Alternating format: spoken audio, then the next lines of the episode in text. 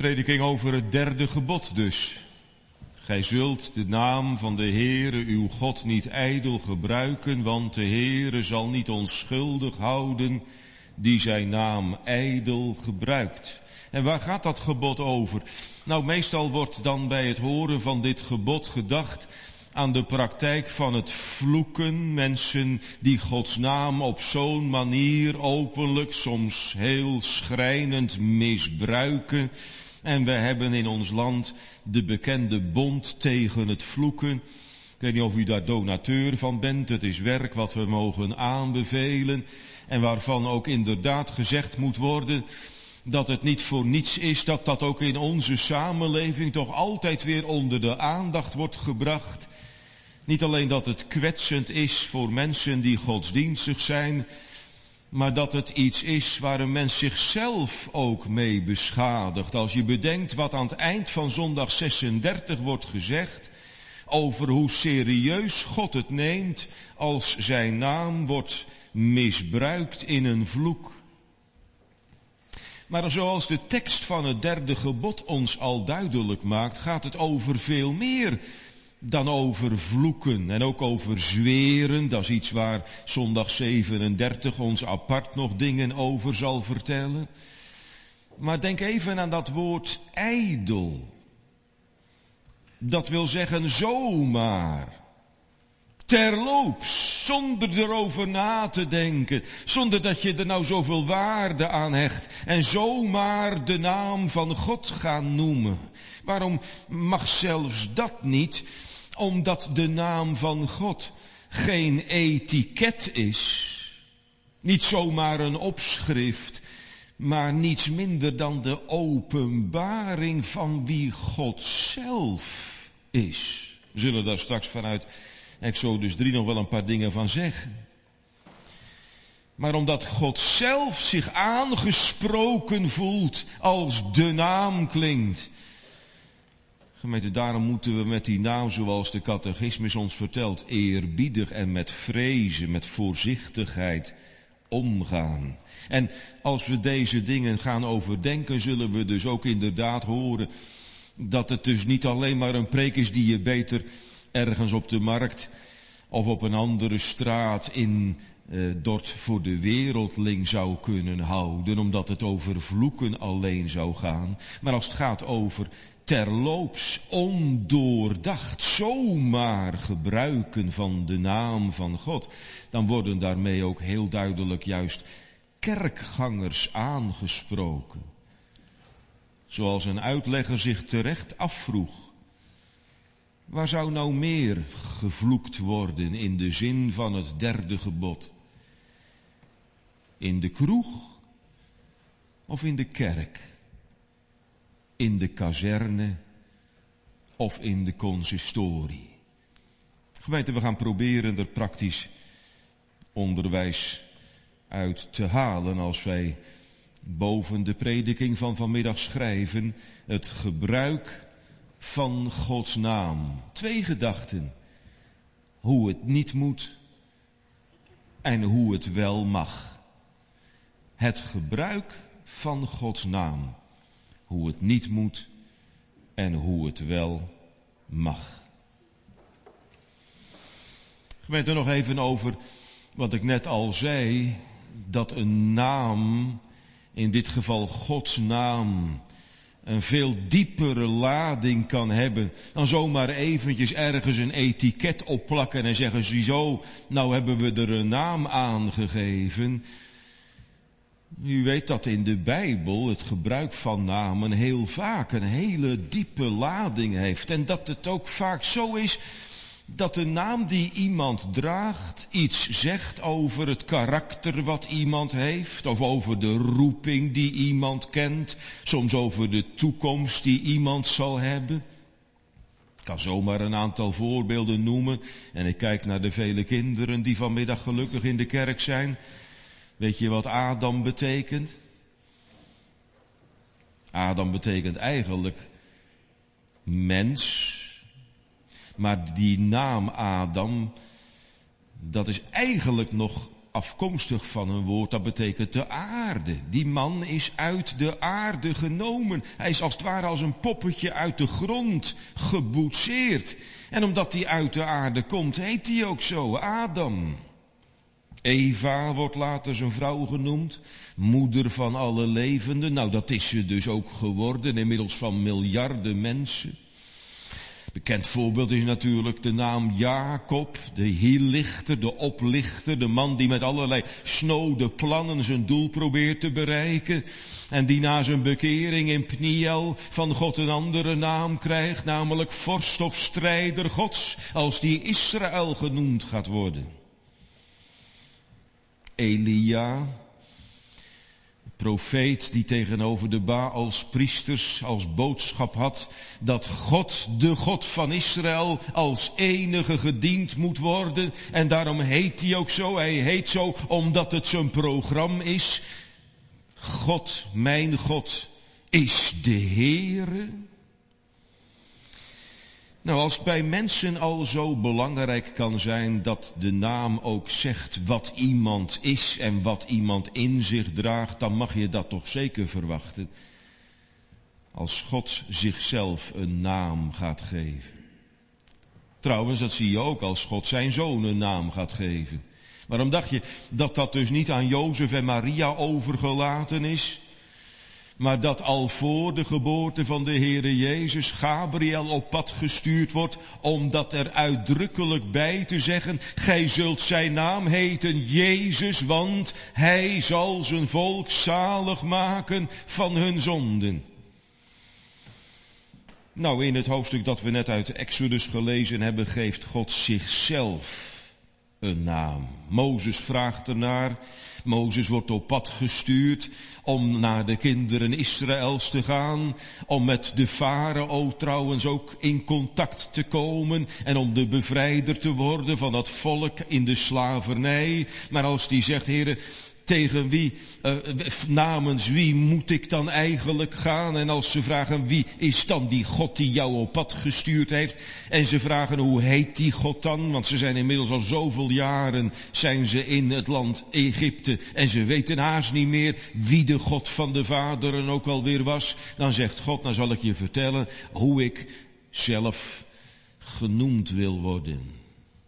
En daarmee zegt God dus wie hij ten diepste is. In die wonderlijke naam die eigenlijk niet anders is dan een werkwoordsvorm. Een vorm van het werkwoord zijn. Ik zal zijn die ik zijn zal. Of ik ben die ik ben. Naam die allereerst mysterieus kan klinken, gemeente. En dat is ook eigenlijk wel op zijn plek, vindt u niet? Want terwijl God aan de ene kant dus iets over zichzelf gaat zeggen, hoor je aan de mysterieuze manier waarop dat gaat. Dit is een God die zo groot is. Ik mag wel iets van hem te weten komen. Hij openbaart zich aan de ene kind, aan de ene kant aan zondaren, aan de andere kant. Hij is zo groot dat als hij zijn naam helemaal zou spellen, dan zou ik het helemaal niet meer kunnen bevatten. Die God is te groot om hem helemaal te doorgronden.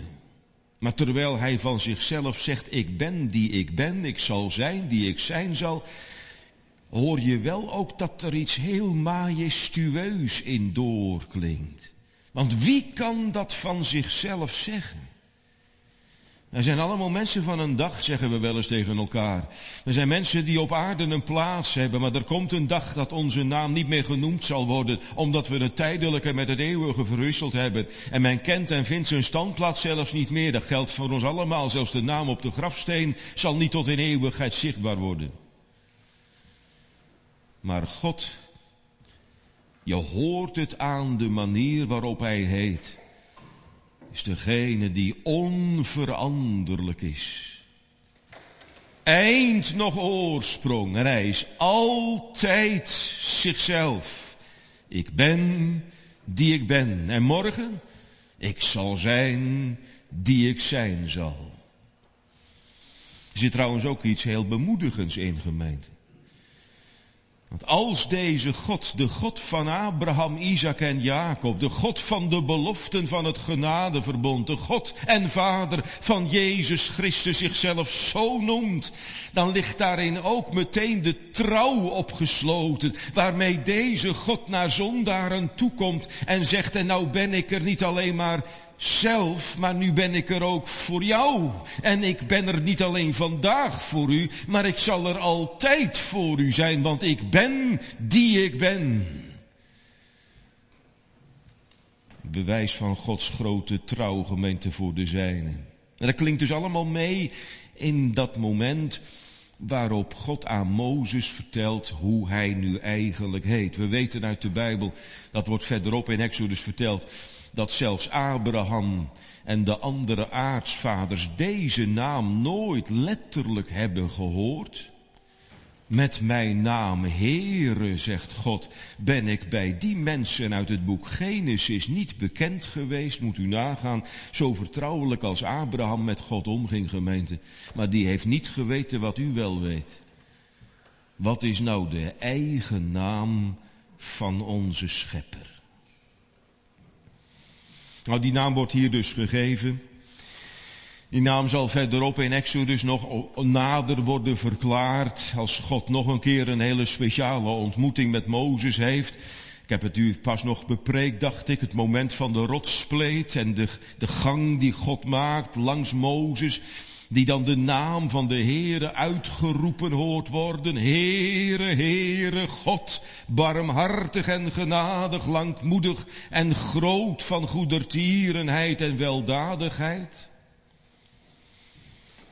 Maar weet u wat nou eigenlijk het mooiste moment is waarop God de naam, de naam van Exodus 3 laat uitleggen aan de mensen?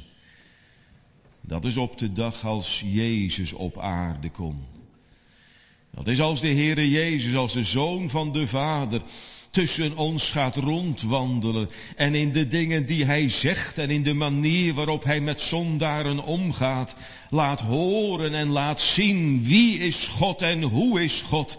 Niemand heeft ooit God gezien, zegt Johannes de evangelist. Maar de enige geboren zoon des vaders, die inmiddels weer in de schoot des vaders is, die heeft hem ons verklaard. En de Heere Jezus kan het daarom ook aan het eind van zijn bediening op aarde zeggen in het hoge priesterlijk gebed. Heilige Vader, ik heb het werk volbracht wat u mij op aarde te doen gegeven hebt. Ik heb aan de discipelen, aan degene die u mij gegeven hebt, ik heb hun uw naam bekend gemaakt. Je kunt eigenlijk nog meer zeggen door wat de Heere Jezus vervolgens gaat doen in de 24 uur na dat gebed. Datgene wat hij op Goede Vrijdag gaat doen en gaat leiden, wat hij die dag gaat verdienen en verwerven, dat is dat God die belofte die in die naam ligt nu ook kan waarmaken aan zondaren. Want wat wordt er beloofd in het evangelie? Dat een ieder die de naam des Heeren zal aanroepen, dat die zalig zal worden komt dat gemeente dat je daar gebruik van mag maken als je op je knieën ligt? Hoe komt dat dat je daarop mag pleiten als je gaat bidden? Omdat je erbij mag zeggen, en dat zegt u toch? Om Jezus wil. Of zoals ik laatst hoorde dat een kind van vijf het van de dominee overgenomen had. Om Jezus wil die u altijd hoort. Daarom kan een mens verwachting hebben van de ik ben die ik ben, van de getrouwe, de onveranderlijke, de majesteitelijke God. Het is gemeente in, om en door Christus. Die lading ligt dus allemaal in dat derde gebod. Je hebt wel eens misschien de vraag gesteld, waarom moet nou in de lijst van tien geboden er apart een heel gebod gaan over een naam. Wie doet dat nou? Maar dat is dus inderdaad hierom gemeente. Omdat het daarin gaat om wie God zelf is. En de catechismus zegt ergens in de zondag die we voor ons hebben dat het daarom nodig is dat we met die naam dan wel op de juiste manier omgaan. Niet dan met vrezen en met eerbied. En ik noemde het, meen ik, vanmorgen in de voorbereidingspreek al naar aanleiding van de uitdrukking Koninkrijk der Hemelen. Dat de Joden vanwege het derde gebod zoveel vrees en zoveel eerbied voor de naam hebben, dat ze hem helemaal niet gebruiken. Dat geldt allereerst voor die eigenlijke naam, ik zal zijn die ik zijn zal. U weet misschien, als u er wat van gelezen hebt, vier letters in het Hebreeuws. En bij alle letters die ik in de Hebreeuwse Bijbel lees, staan er puntjes en streepjes bij, zodat je kan zien hoe moet je die letters uitspreken, wat voor klank komt daarbij kijken. Maar de rabbijnen die ons de Bijbel overgeleverd hebben in het Hebreeuws, hebben verzuimd om bij de naam van God de juiste puntjes en streepjes erbij te zeggen. Niemand weet inmiddels meer hoe die naam nou eigenlijk uitgesproken moet worden. Als Yahweh of als Yahoo of als Jehovah. Zo'n eerbied dat ze de naam helemaal vermijden. Maar als u het derde gebod in gedachten houdt, dan zult u merken dat dat dus niet de eis is. Niet staat er, gij zult de naam van de Heere uw God helemaal niet gebruiken. Nee, je mag hem gebruiken als je hem maar niet ijdel gebruikt.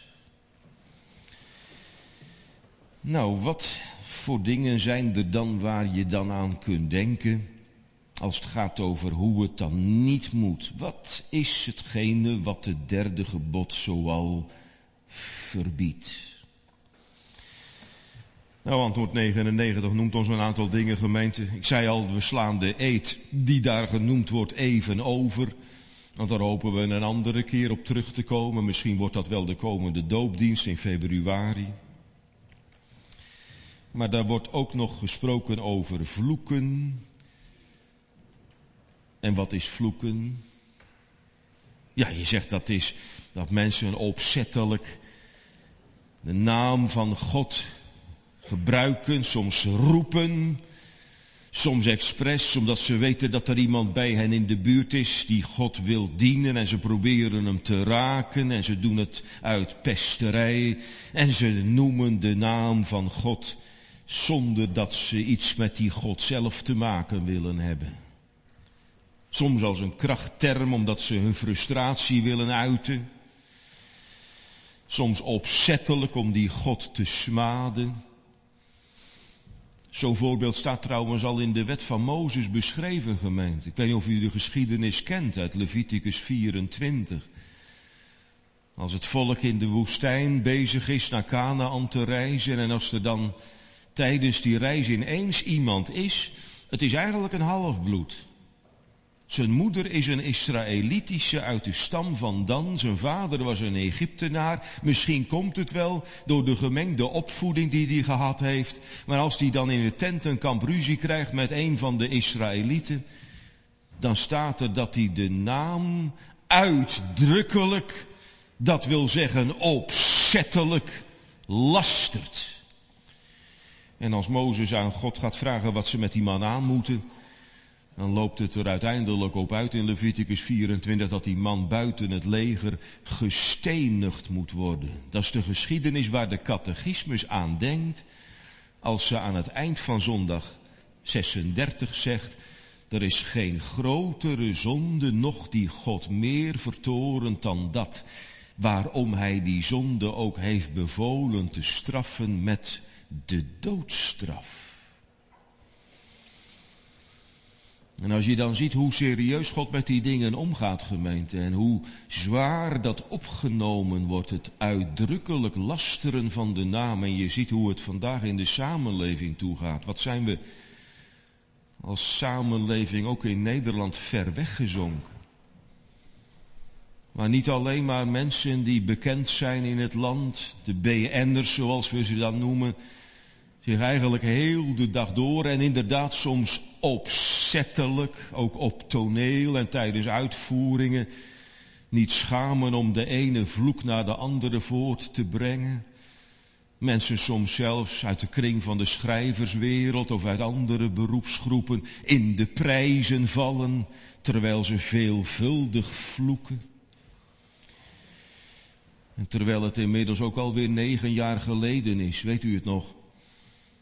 Dat het zogeheten verbod op smadelijke godslastering, dat sinds 1932 in het wetboek van strafrecht stond, er inmiddels weer uitgehaald is, 2013 omdat men zei, ach ja, dat is toch eigenlijk een artikel waar je vandaag de dag niet meer mee kunt aankomen in onze samenleving.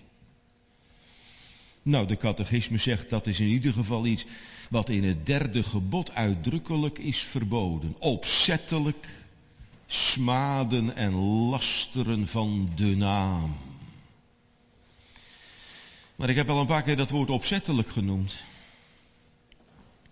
Maar u zult het ook wel op uw werk of ergens anders gemerkt hebben als je iemand tegenkomt waarvan je dan soms met pijn in je hart merkt, hij vloekt.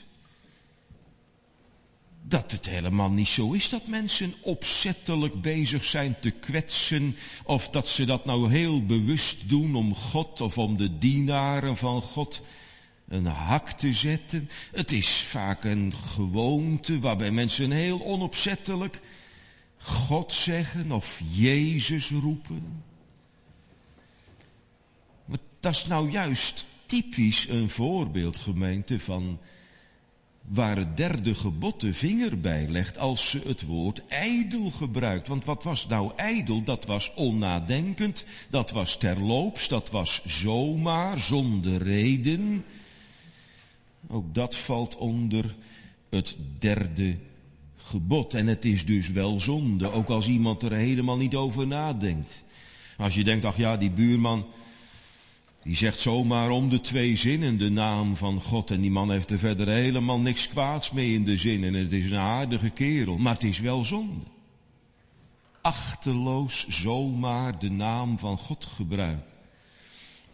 Alleen dat is ook een lijn Waarmee de prediking ook weer heel dicht bij onszelf kan komen, gemeente. U bent dat niet gewoon, dat mag ik aannemen. En ik hoop ook dat onze jongelui het zich niet aanwennen, ook niet in hun puberteit. Om uit stoerdoenerij dan zomaar mee te gaan doen in het vloeken en in het zomaar gebruiken van Gods naam. Ik kan ook als kerkganger, als keurige kerkganger, je schuldig maken aan het ijdel gebruiken van de naam. En soms denk ik wel eens, kan het natuurlijk uit een stuk zenuwen zijn. Als iemand bijvoorbeeld een openbaar gebed moet doen, hij is misschien niet gewend om in het openbaar te bidden. En terwijl hij de ene zin aan de andere rijgt, ongemerkt begint en eindigt hij elke zin met de naam van God. Ja, het kan gemeente van nervositeit zijn, maar je moet daar wel op letten. Want God geeft toe, die staat toe dat je zijn naam gebruikt. Maar zegt God, doe het niet zomaar, doe het niet ijdel, doe het niet als een stopwoord. Als je mijn naam gebruikt en je mag hem om Jezus wil vrijmoedig gebruiken om hem aan te roepen, maar doe het dan wel bewust en niet zomaar om de stiltes op te vullen. Maar ik ga nog een stap verder als het gaat over misbruiken van Gods naam.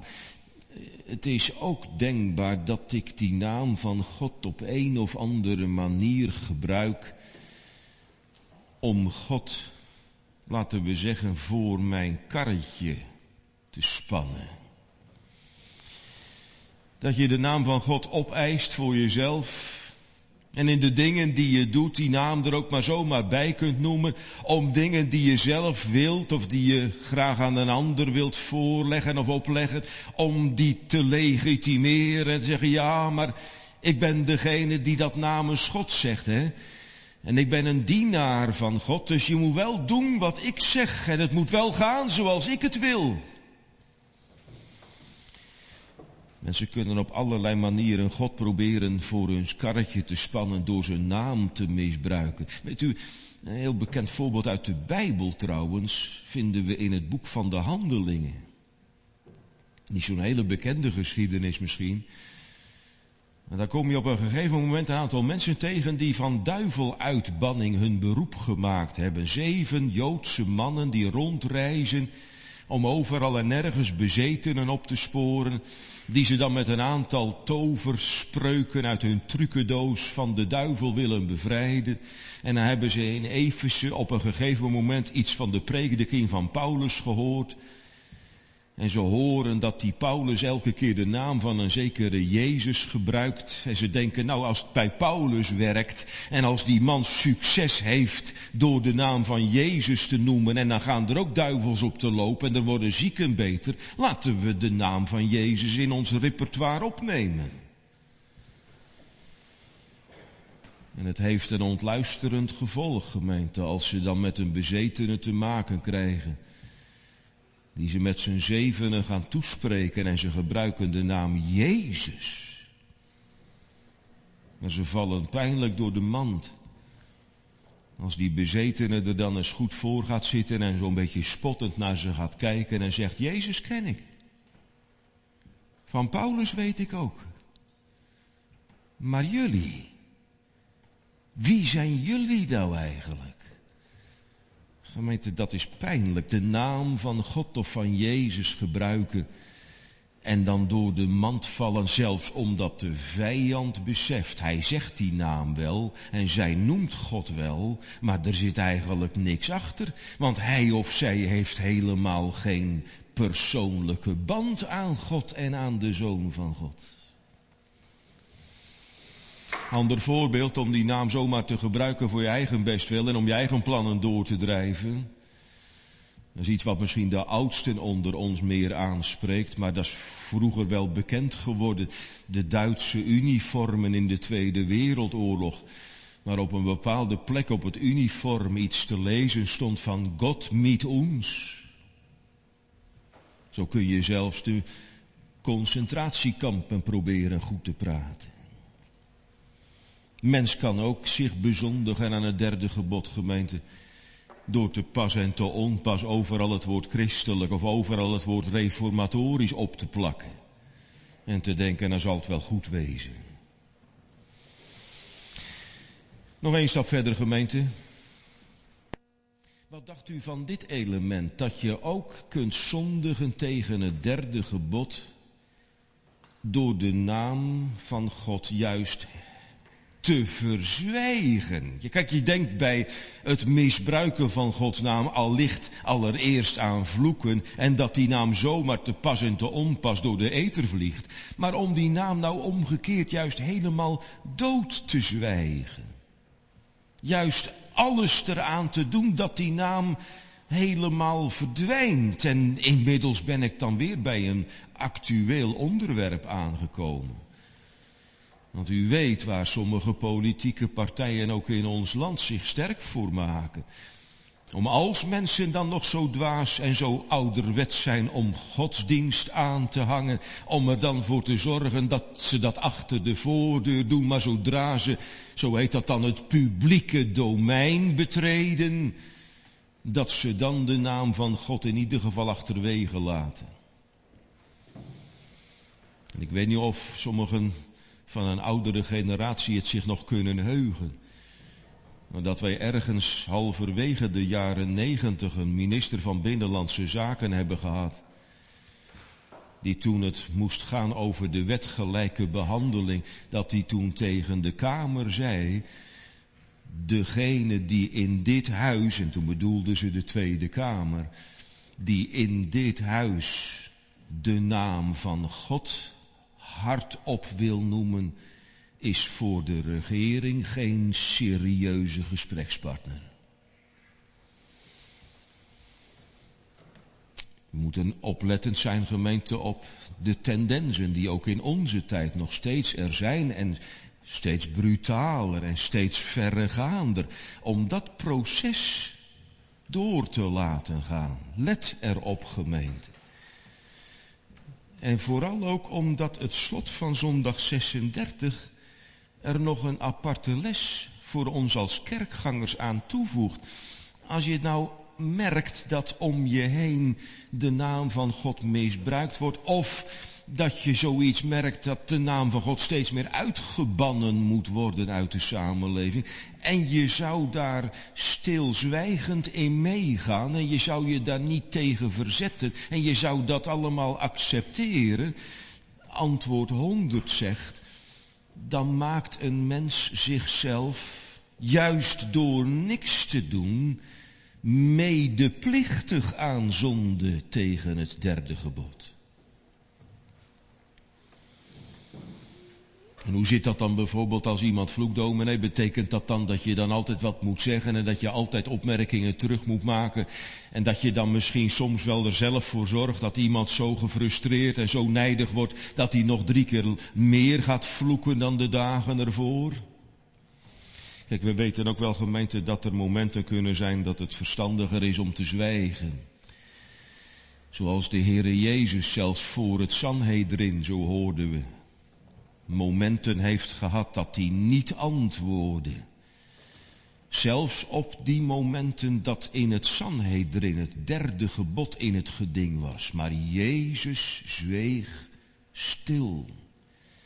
Hij heeft ook gesproken, hij heeft ook gezwegen. En je kan van de, van de heiland leren. Er zijn momenten om te spreken en momenten om te zwijgen. Bid er ook maar om, om wijsheid te krijgen wanneer dan het moment is aangebroken om wat te zeggen. En wanneer het wijzer is om dan maar een keer niks te zeggen. Maar laten we in ieder geval oppassen Zowel in het contact met mensen op de werkvloer of op het schoolplein, als ook in onze plaats in de samenleving, dat de mensenvrees het in ieder geval niet wint van de godsvrees. Want je moet ook aan, wat betreft de, de plek in de samenleving, je voortdurend afvragen, waar is de grens? Op de grens van Romeinen 13, het hoofdstuk dat ons oproept om gehoorzaam onze plek in te nemen. En om de overheid te erkennen als dienares van God. Maar waar ligt die grens, gemeente? Als het dan gaat over het tolereren van zonden in de samenleving. Als het dan gaat over de onderwijsvrijheid. Als het gaat over het ethische probleem rondom gender en rondom seksualiteit. We kunnen zo gewend zijn om mee te bewegen, dat we ons meer zorgen maken over onze eigen naam dan over Gods naam. En het derde gebod vraagt ons ook heel eerlijk, wat is het nou het meeste dierbaar, je eigen reputatie of die van de Heere? Iemand zegt, dominee, maar ja, dat zijn nou van die dingen, hè. Ik vind het wel interessant om wat te horen over zonde tegen het derde gebod. Maar als het nou gaat over hoe je er dan zelf in moet staan en wat je taak en wat je plicht als christen is in de samenleving. Ja, kijk, dan, dat zijn van die momenten in de preekdominee, dan schakel ik als het ware uit. Of ik ga dan even heel bewust het achterover zitten om voor een ander te gaan luisteren. Want ja, daar hoef ik me dan niet door aangesproken te voelen, want ik ben zelf gewoon bekeerd. Dus ja, dan hoef je toch niet zozeer ook op de bres te staan en vooraan te lopen als het gaat over het verdedigen van Gods naam. Want ik weet zelf nog eigenlijk niet hoe het geestelijk met me zit. Gemeente, we zullen elkaar die vraag misschien nog wel vaker stellen als het gaat over de tien geboden in de catechismus. Maar als je nou vandaag moet zeggen, ik ben nog onbekeerd. Mag ik dan ook aan de onbekeerden in de gemeente vragen, hoe lang broeder of zuster, bent u al onbekeerd? En als ik broeder of zuster zeg, dan stuit je meteen eigenlijk al op iets wat in tegenspraak is. En dan kan ik ook vragen, hoe lang ben je nou al in naam, als het nou gaat over een naam, maar in naam beleidend lid, terwijl je eigenlijk in de praktijk geen beleider bent van Gods naam. Je eraan gewend geraakt?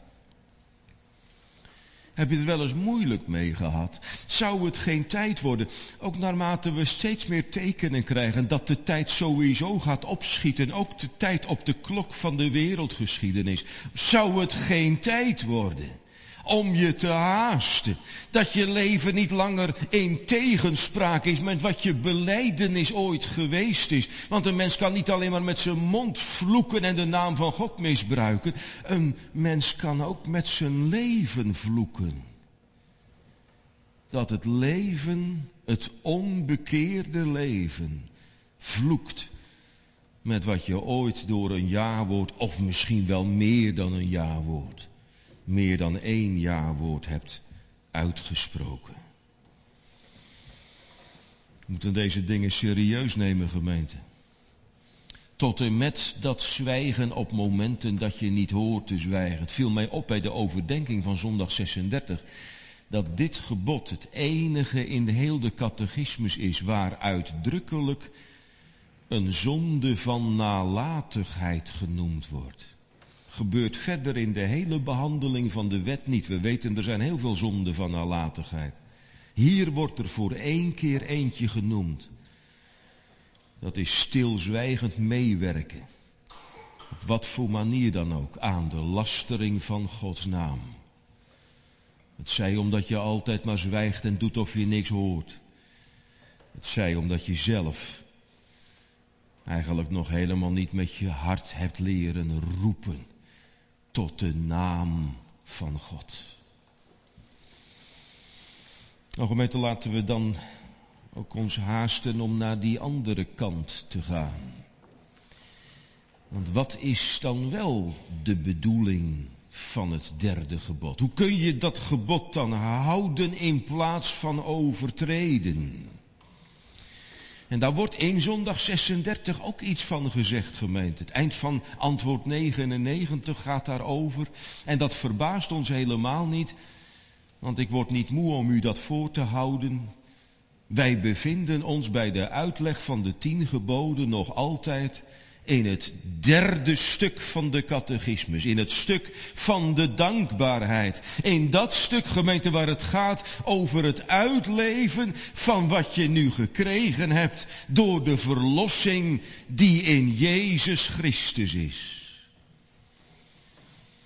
Trouwens, nu ik de naam van de Heere Jezus noem, ik blader nou eens even door naar dat hoofdstuk gemeente wat we uit het evangelie gelezen hebben. Want u heeft natuurlijk wel bepaalde gedachten gehad over het derde gebod en Matthäus 26. Maar weet u wel dat er op allerlei momenten van die teksten in voorkomen die ons eigenlijk bepalen bij wat we net al in het eerste punt gehoord hebben.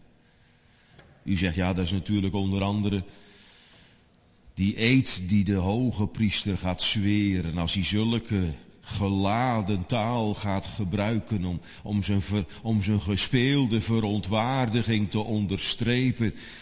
En dat hij dan in feite ook weer het derde gebod overtreedt. Ik bezweer u bij de levende God. Hoe durft Caiaphas? Maar dat moment gemeente waar vers 56 van vertelde. Dat kun je inmiddels ook koppelen aan de stof van deze dienst. Ik bedoel dat moment als de Heere Jezus nog even met die mensen heeft gesproken die hem komen arresteren. Als dan gaandeweg in het gesprek duidelijk wordt dat de Heere Jezus niet van plan is om de benen te nemen, maar hij geeft zich gewillig over aan de bende krijgsknechten en straks wordt hij afgevoerd naar de hof van Caiaphas. En wat gebeurt er ondertussen? Dat we dan tot onze ontzetting zien, toen vluchten al de discipelen hem verlatende. We hebben net gezien, gemeente, dat zo'n houding zonde kan zijn tegen het derde gebod. Dat had je nooit gedacht als het je niet uitgelegd werd. Maar ziet u dat? Typisch die houding van een mens die zijn eigen leven liever heeft en zijn eigen reputatie hoger heeft staan en meer denkt om zijn lijfsbehoud en meer mensenvrees in zijn ziel heeft dan dat hij belang heeft bij Christus en bij de zaak van Christus en om bij hem te blijven in het heetst van de strijd, nee, allen vluchten hem verlatende. Dat is ook, als je het wel beschouwt, een zonde tegen het derde gebod. Dus buiten wordt gezondigd tegen het derde gebod. Binnen in de zaal wordt gezondigd tegen het derde gebod.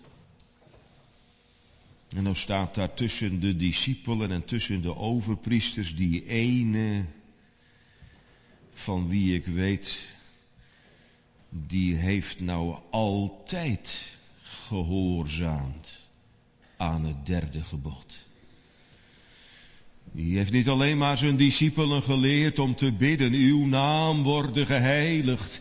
Maar hij heeft het, zoals ik zei, tegen de Vader zelf kunnen zeggen. Ik heb ze uw naam bekend gemaakt op de aarde. Hij heeft in elk opzicht uitgedragen, verkondigd en laten zien. Wie is die God van, van Exodus 3? Wie is de ik zal zijn die ik zijn zal? Wie is die getrouwe? En waar is hij op uit? En dan wordt deze zoon van God, gemeente, aan het eind van het stukje wat we lazen door het Sanhedrin ter dood veroordeeld. En op grond waarvan wordt hij ter dood veroordeeld? Wat is het wetsartikel?